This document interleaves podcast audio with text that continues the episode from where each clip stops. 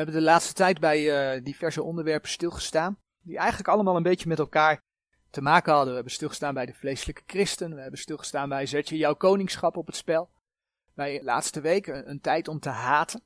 En ook het onderwerp van, uh, van vanmorgen, het thema van vanmorgen, de wijnstok blijven in hem, heeft daar eigenlijk nog een beetje op te maken. Dus eigenlijk is het een, een soort serie geworden. Het had allemaal te maken eigenlijk met het behalen van loon en kroon beloond worden in de eeuwigheid.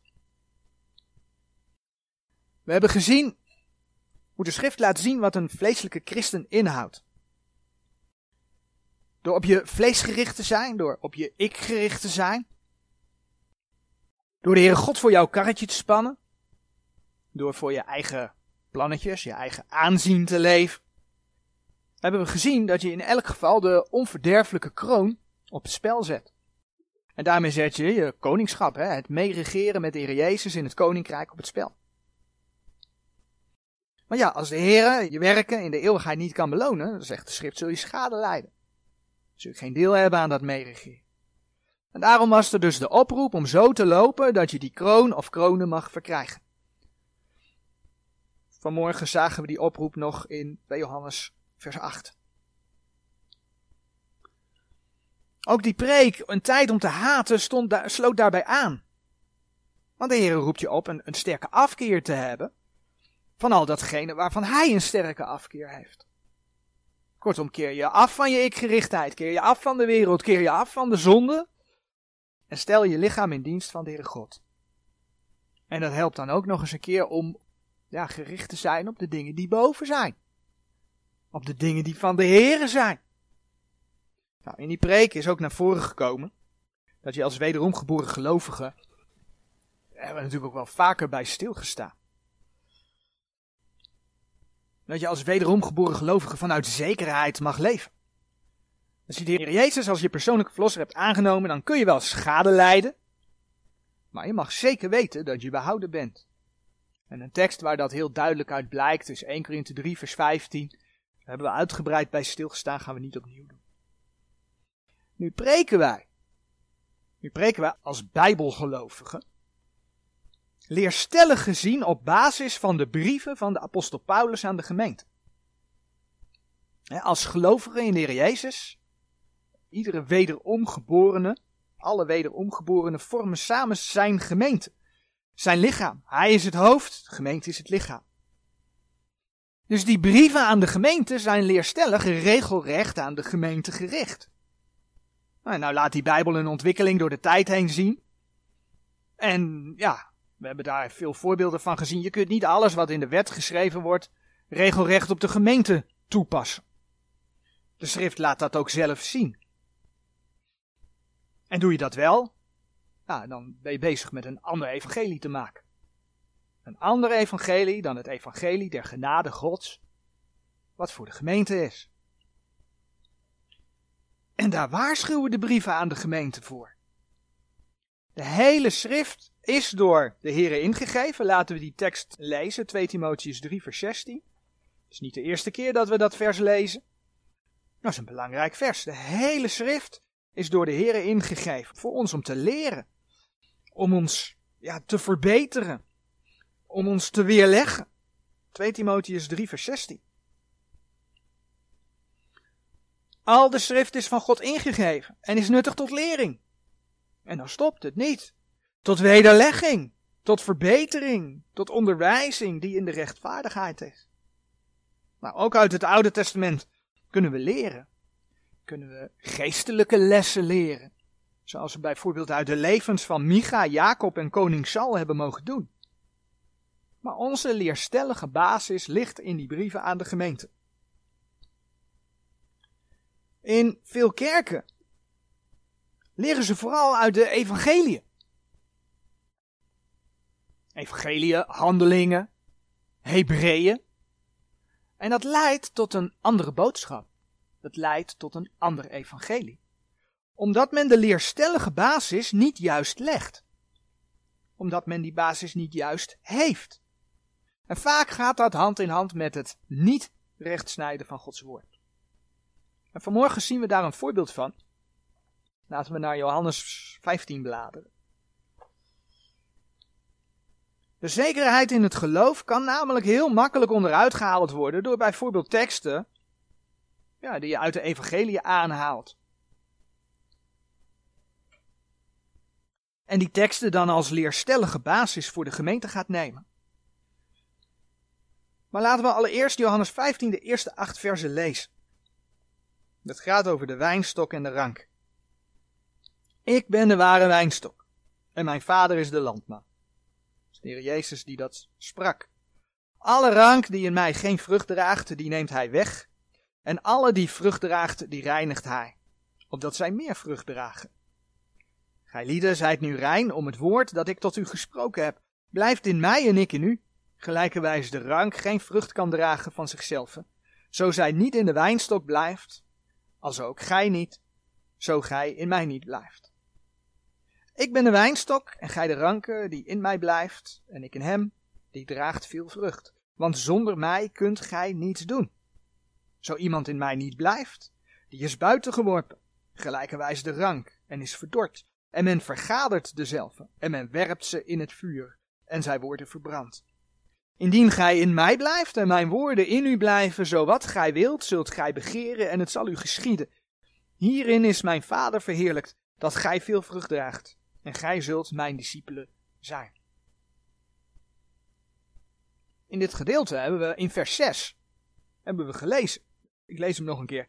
Zo iemand in mij niet blijft, die is buitengeworpen, gelijkerwijs de rank, en is verdord, en men vergadert dezelfde, en men werpt ze in het vuur, en zij worden verbrand. Als de Heer Jezus de wijnstok is, wat er staat, hè, want hij zegt, ik ben de ware wijnstok. Als de Vader de landman is en wij de ranken zijn, dan staat daar toch geschreven dat de ranken die weggenomen zijn in het vuur geworpen worden. Dus toch. Kun je dan als kind van God toch verloren gaan en notabene, hè, want er wordt staat in het vuur geworpen worden, in de hel terechtkomen? Nou, in veel kringen, zeker ook evangelische charismatische kringen, wordt dit wel zo gebracht geloven vaak niet helemaal meer in de hel. Hè? Het, is gescheiden zijn van God. Maar verloren gaan wordt het vaak nog wel genoemd. Het is zo van de Heere Jezus red je, maar je moet wel in hem blijven. Want als je dat niet doet, ga je alsnog verloren.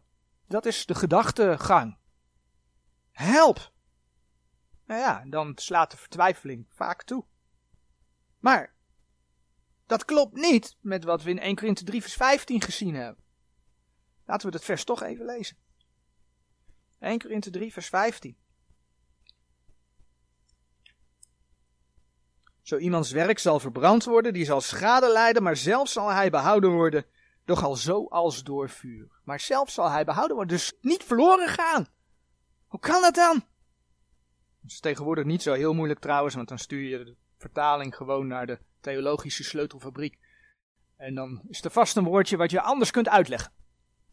Toch? Zo werkt het vaak. Maar daar doen wij niet aan mee. God heeft zijn woord bewaard. Dus de vraag is, hoe zit dat? Is dan de Bijbel inderdaad in tegenspraak? De Heere God zegt dat hij zijn woorden gegeven heeft. De Heere God zegt dat hij zijn woorden bewaard heeft. En de Heere God zegt dat hij niet liegen kan. Dus nee, de Bijbel zal waarschijnlijk niet de tegenspraak zijn. Kunnen we dit dan wel zo op de gemeente toepassen? Nou, het is goed om daar vanmorgen bij stil te staan. Waar gaat het hier leerstellig om? En ja, hoe zit het dan met die geestelijke lessen? Want leerstellig hoeft het voor ons niet direct te zijn. Maar geestelijke lessen zitten er voor ons wel degelijk in. Dus laten we daar naar kijken. Laten we allereerst naar die leerstellige vraag kijken. Is dit gedeelte op de gemeente van toepassing? En zegt er dus iets over je behoud?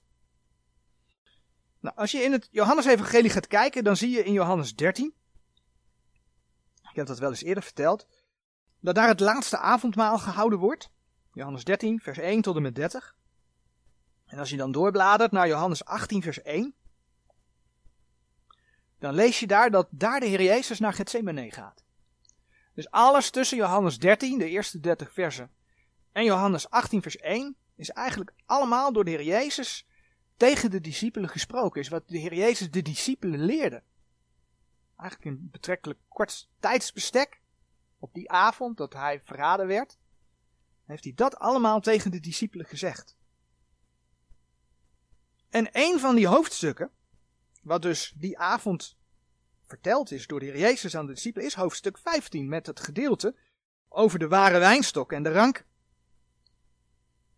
Nou, ondanks dat het dus in de tijd dicht zit op het, op het lijden, het sterven en de opstanding van de Heer Jezus, was de Heer Jezus op dat moment nog niet gestorven, begraven en opgestaan. Ook dit wordt gesproken voor het kruis. De Heilige Geest was nog niet uitgestort. In Handelingen 1, vers 5, daar zie je zelfs nog staan dat de Heilige Geest nog moest komen. En dat is een hele belangrijke constatering. Omdat toen de Heer Jezus deze woorden sprak, hij sprak het tegen zijn discipelen, toen was de gemeente er nog niet. In deze gemeentetijd word je door de wedergeboorte opgenomen in het lichaam van de Heer Jezus. Je komt tot geloof door het horen van het woord, zegt Efeze 1, vers 13 en 14. Je hoort het woord, je komt tot geloof, je wordt verzegeld door de Heilige Geest. En dan weet je, zeggen die versen, dat je de verlossing verkregen hebt. Dus dan ben je behouden. Nou, 1 Korinthe 12 vers 13, vers hebben we vaker gelezen, zegt dan dat je ook door de Heilige Geest ingedoopt wordt in het lichaam van de Heer Jezus. Nou, het is dat lichaam dat ook wel de gemeente genoemd wordt. En daarvan lezen we twee versen in Efeze 1. Efeze 1, vers 22 en 23.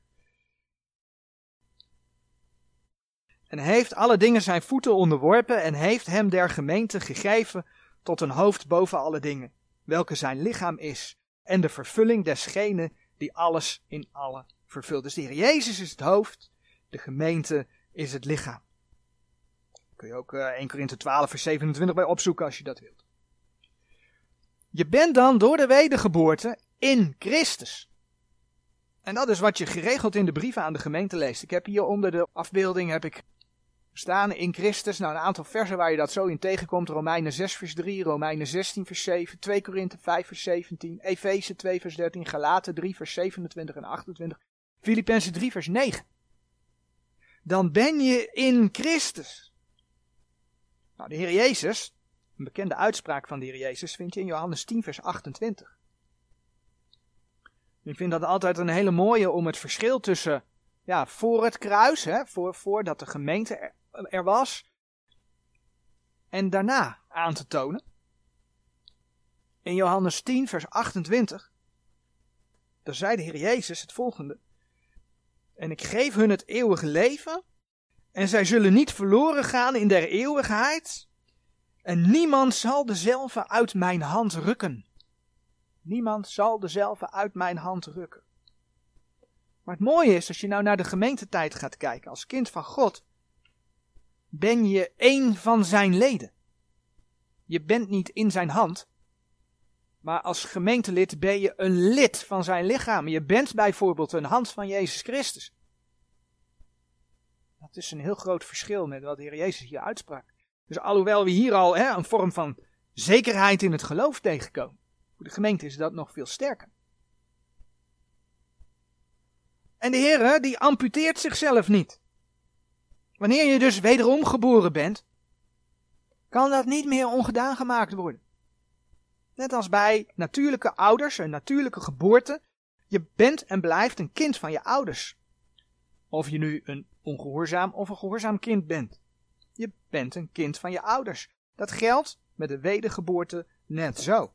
Of je nu een ongehoorzaam kind van God bent of een gehoorzaam kind van God, dat kan allebei. Maar je bent een kind van God.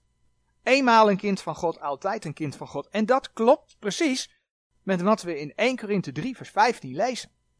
al verbranden al je werken, de gelovige zelf is behouden. Zekerheid in het geloof.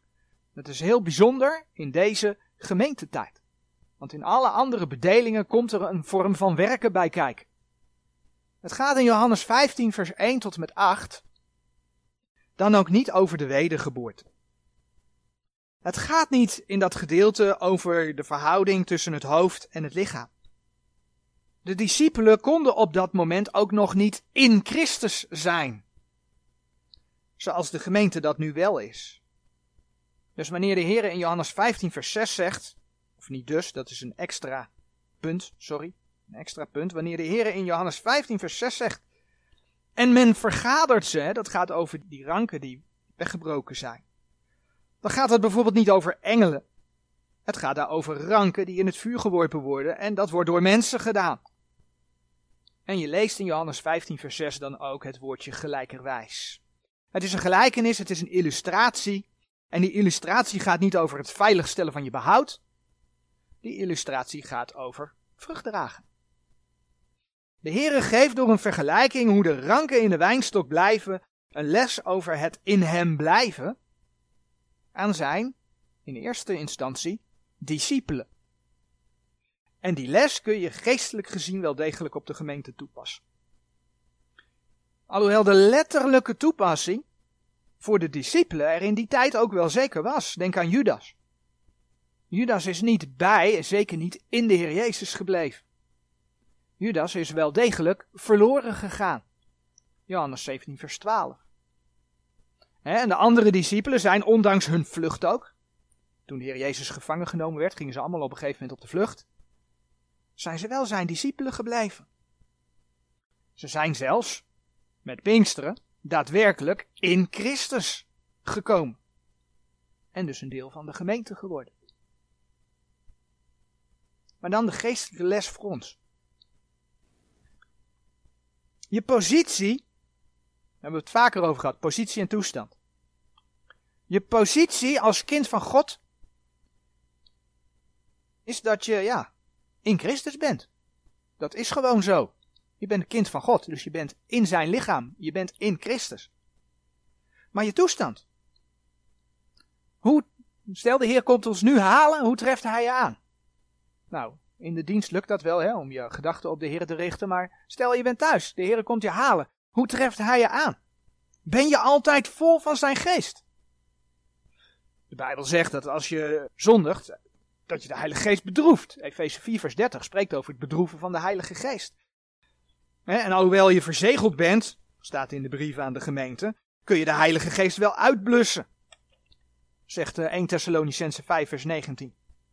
Dus als je eerlijk bent, dan weet je ook dat je nog steeds zondigt, dat je fouten maakt. Dus nee, je toestand is niet altijd in Christus. Je bent niet altijd vol van Hem. Als je denkt aan de vleeselijke christen, waar we het over gehad hebben, als je in feite voor je eigen ik gelooft, dan weet je dat je toestand niet in Christus is. Nee, je bent meer met jezelf bezig. Je bent in ik. In de ik-stand. Dus dan ben je niet in Christus. Wel je positie, je bent een kind van God, maar je leeft er niet naar, dus je bent niet vol van Hem. En dat was waar Paulus voor zichzelf ook alert op was. Dat lees je bijvoorbeeld in 1 Korinthe 9, vers 27. In de context van het behalen van die onverderfelijke kroon waar we onlangs over gesproken hebben, lees je dat Paulus de opmerking maakt. 1 Korinthe 9, vers 27. Maar ik bedwing mijn lichaam en breng het tot dienstbaarheid, opdat ik niet enigszins, daar ik anderen gepredikt heb, zelf verwerpelijk worden. Paulus wist dus, ik kan anderen prediken, maar als ik er zelf niet naar leef, dan word ik verwerpelijk. En daar was hij alert op. Maar ik bedwing mijn lichaam en breng het tot dienstbaarheid, opdat ik niet enigszins, daar ik anderen gepredikt heb, zelf verwerpelijk worden. Je kunt alles nog zo goed weten. Maar als je er niet naar leeft, of als je voor jezelf, je eigen vlees bezig bent, dan draag je geen vrucht. Geen vrucht voor de Heer. En dan word je verwerpelijk. Zo zelfs dat je schade leidt in de eeuwigheid. Nou is het Gods wil dat je veel vrucht draagt. Dat zegt Johannes 15, vers 8. Hierin is mijn Vader verheerlijk dat gij veel vrucht draagt. En gij zult mijn discipelen zijn. Het eerste uur, toen we bij Romeinen 12, vers 2 stilstonden, toen zagen reeds dat er een goede wil van God was, dat er een welbehagende wil van God was en dat er een volmaakte wil van God. Ik zeg was, maar dat is er er een volmaakte wil van God is. Overeenkomstig zagen we dat de Heer sprak over 30 vrucht dat 30 fout was, 60 fout en 100 fout. Ook een driedeling. Nou, die driedeling zien we hier in Johannes 15 ook terug. In Johannes 15, vers 2 spreekt de Heer over vruchtdragen. En alle die vruchten draagt.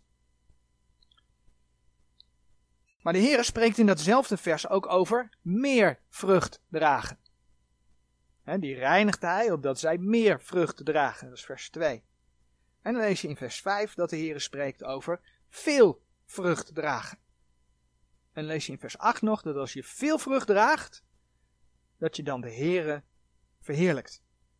Hierin is mijn Vader verheerlijkt, dat gij veel vrucht draagt. Dus die drievoud, vrucht, meer vrucht, veel vrucht, zien we ook hier weer terug. Het gedeelte in Johannes 15, vers 1 tot met 8 laat zien hoe je veel vrucht kunt dragen. Allereerst, ja, logischerwijs, moet je wel verbonden zijn met de ware wijnstok. Johannes 15, vers 1 zegt: Ik ben de ware wijnstok en mijn vader de landman. En vers 5: Ik ben de wijnstok en gij de ranke, die in mij blijft en ik in hem, die draagt veel vrucht.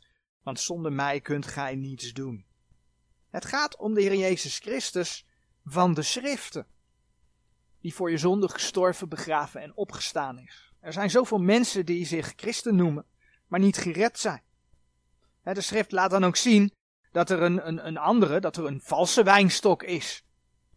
Je hoort nog wel eens zeggen, ja maar de paus die gelooft toch ook in Jezus Christus. Nou, in de serie over het Rooms-Katholicisme zagen we dat de Rooms-Katholieke Kerk, en dan bladeren we naar Deuteronomium 32, dat hij een andere rots heeft. We zagen onder andere dat de moeder-kindverering gebaseerd is, niet op de Heer Jezus Christus van de schrift, maar op Nimrod en Semiramis, die een zoon Tammuz kregen. Dus er is ook sprake van een andere Jezus. En we zagen ook dat men een andere Maria aanbidt. En daarmee bedoel ik niet dat we Maria moeten aanbidden. Hè? Maar die Maria die zij aanbidden is een andere Maria dan de Maria van de schrift. Die een duivel is. Nou, laten we Deuteronomium 32 lezen. Vers 32 en 33. En laten we dan even, want dan sluiten we aan bij wat we over de Rooms-Katholieke Kerk gehoord hebben, over de andere rots, laten we ook vers 31 erbij lezen. Deuteronomium 32 en dan vanaf vers 31. Want hun rotsteen is niet gelijk onze rotsteen, zelfs onze vijanden rechters zijn. Want hun wijnstok, daar heb je hem, want hun wijnstok is uit de wijnstok van Sodom en uit de velden van Gomorra. Hun wijndruiven zijn vergiftige wijndruiven. Zij hebben bittere beziën. Hun wijn is vurig drakenvernijn en een wreed adder vergift. Zie je dat? Een andere rots, een andere Jezus, een andere Maria, een andere wijnstok. Niet iedereen die de naam van de Heer Jezus uitspreekt of zegt in hem te geloven, is een wederom geboren kind van God. En niet iedereen die de naam van de Heer Jezus uitspreekt en zegt in hem te geloven, is een volgeling van de Heer Jezus van de schrift, van Gods Zoon. Dat kan een andere Jezus zijn. Het feit dat er een valse wijnstok is, leidt er ook toe dat de Heer Jezus bij het oordeel, en dat vinden we onder andere in Openbaring 14, vers 18 en 19, de grote wijnpersbak van de toren God zal treden. Het heeft allemaal met elkaar te maken. Komt allemaal terug.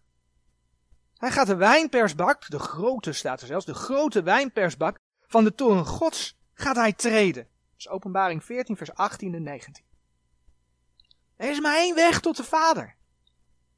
Nou, dat heeft in eerste instantie met bekering te maken. Maar als je als christen wilt groeien, als je vrucht wilt dragen,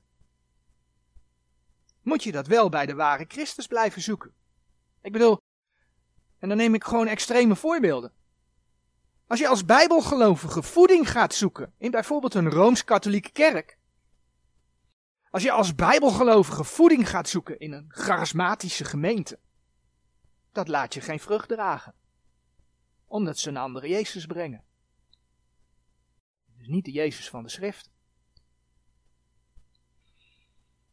Nu spreekt dat gedeelte in Johannes 15 vers 1 tot en met 8 diverse malen over blijven in hem.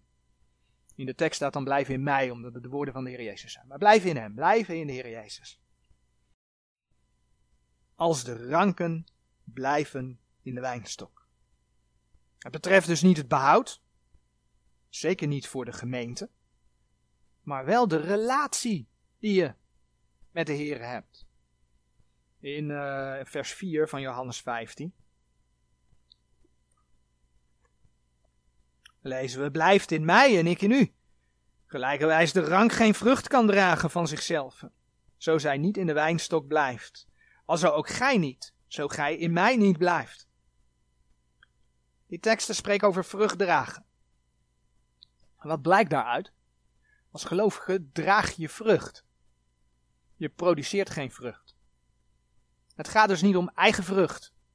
Het gaat om vrucht van de Heer. En jij mag de vrucht van de Heer dragen. Als je in Galaten 5 vers 22 over de vrucht van de geest leest, de vrucht des geestes, dat is de vrucht van de geest. Dat is niet jouw vrucht, het is zijn vrucht die hij geeft.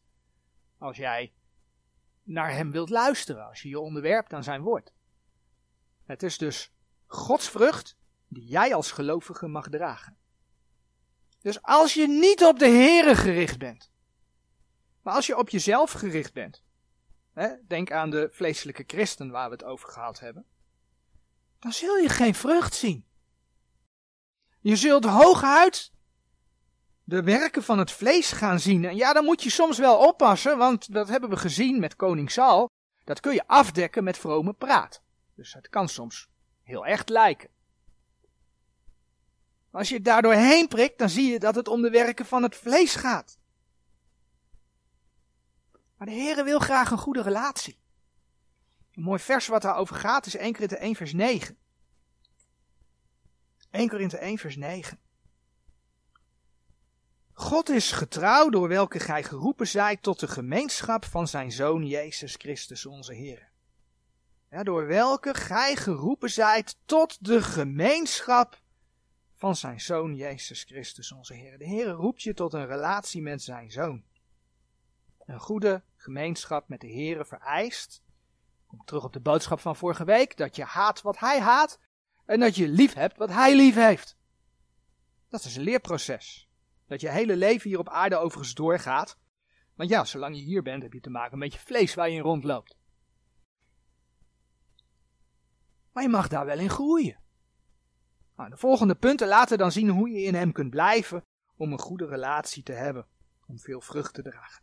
Een van de dingen waar je als kind van God door groeit, en dat is een pijnlijke, waardoor je meer vrucht gaat dragen, is dat de Heere God snoeit.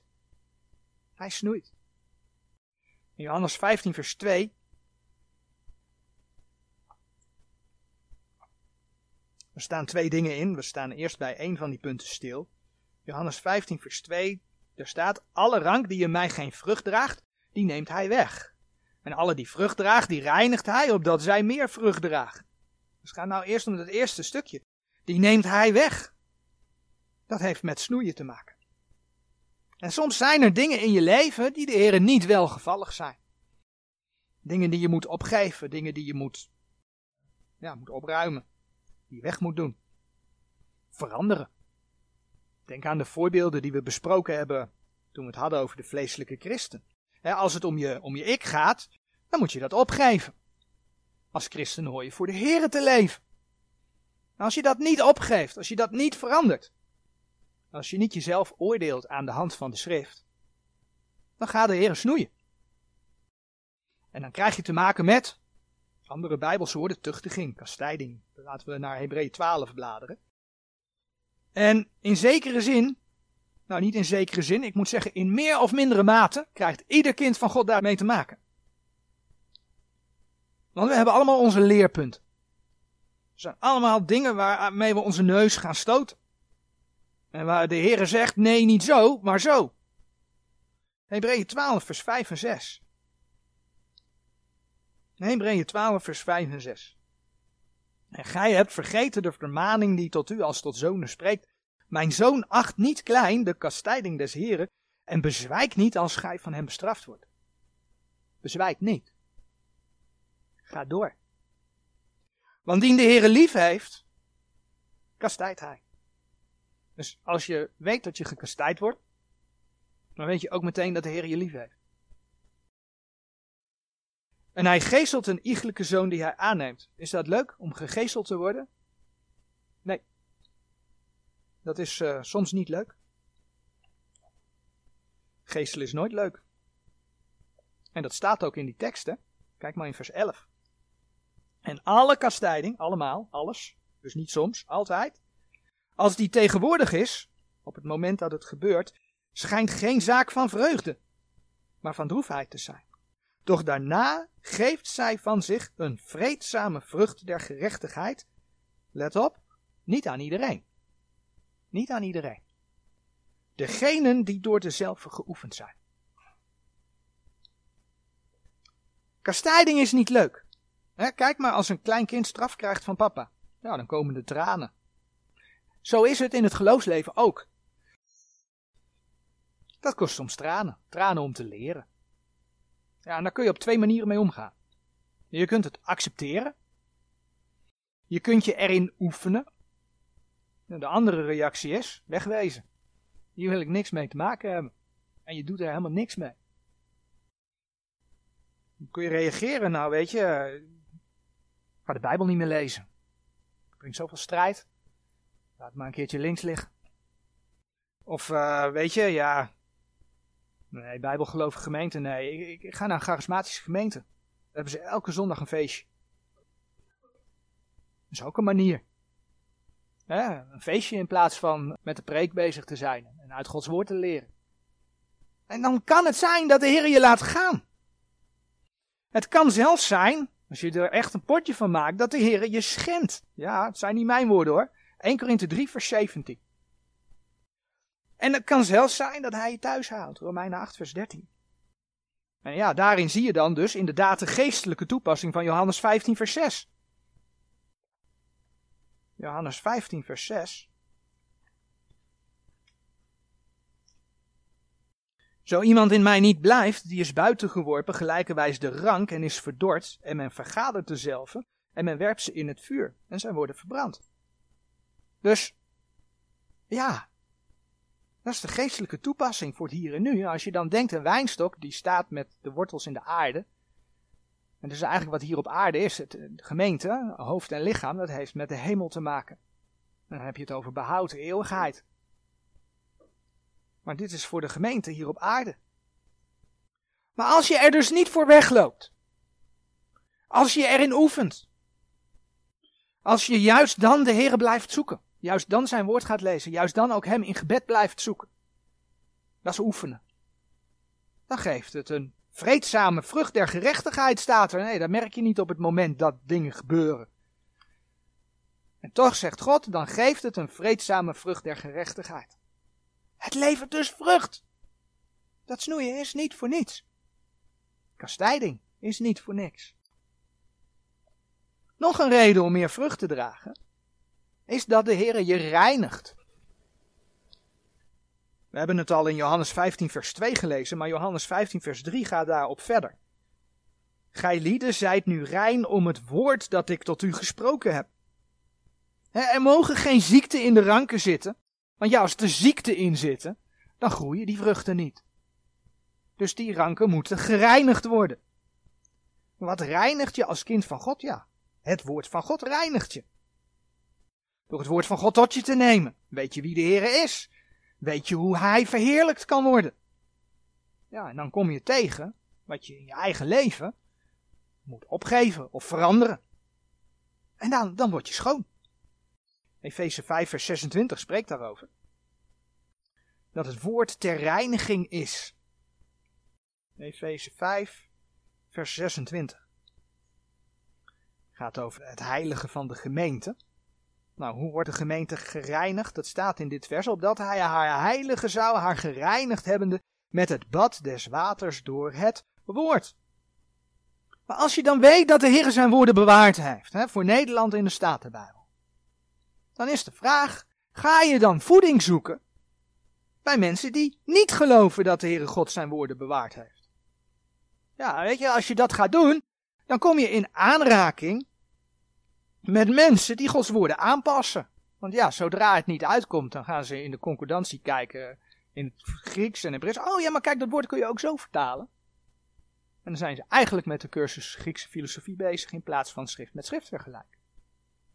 En voor je het weet, als je daarin begeeft, voor je het weet, twijfel jezelf aan van alles en nog wat wat met Gods woord en wat met je behoud te maken heeft.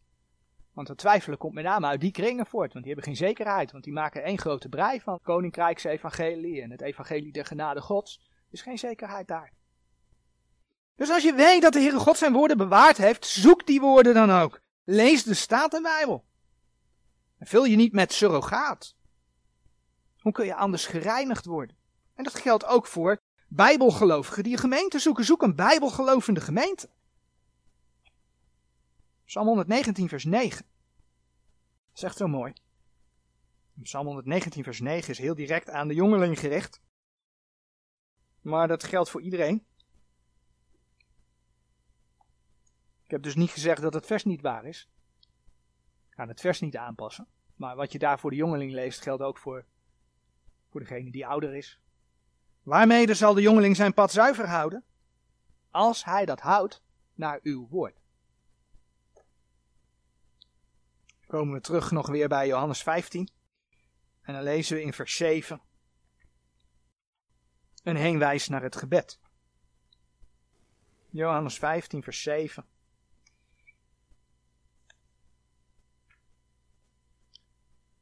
Indien gij in mij blijft en mijn woorden in u blijven, zo wat gij wilt, zult gij begeren en het zal u geschieden.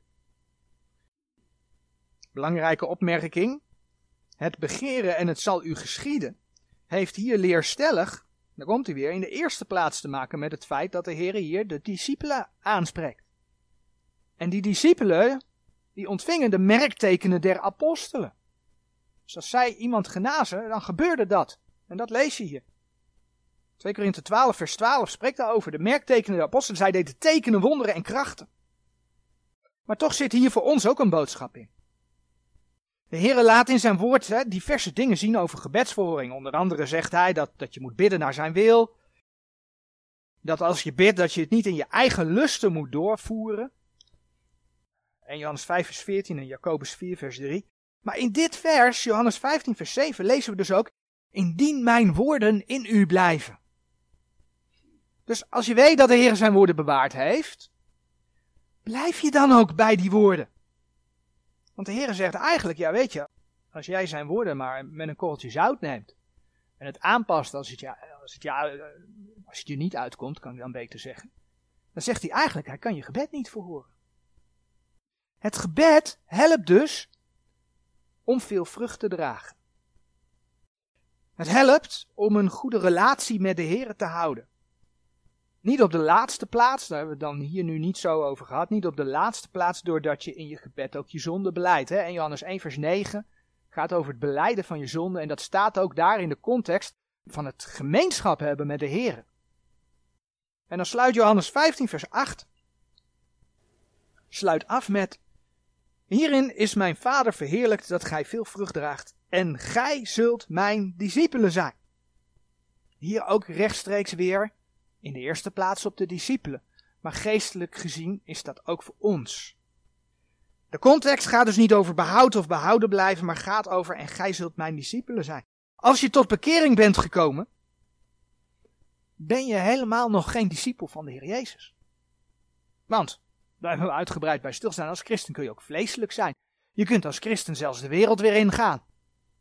Dan ben je echt geen discipel van de Heer Jezus, ben je wel gered, maar je bent geen discipel van de Heer Jezus. Om een discipel te zijn, is ook een wilsbeslissing nodig. En eigenlijk elke keer opnieuw. Een wilsbeslissing om te haten wat de Heer haat.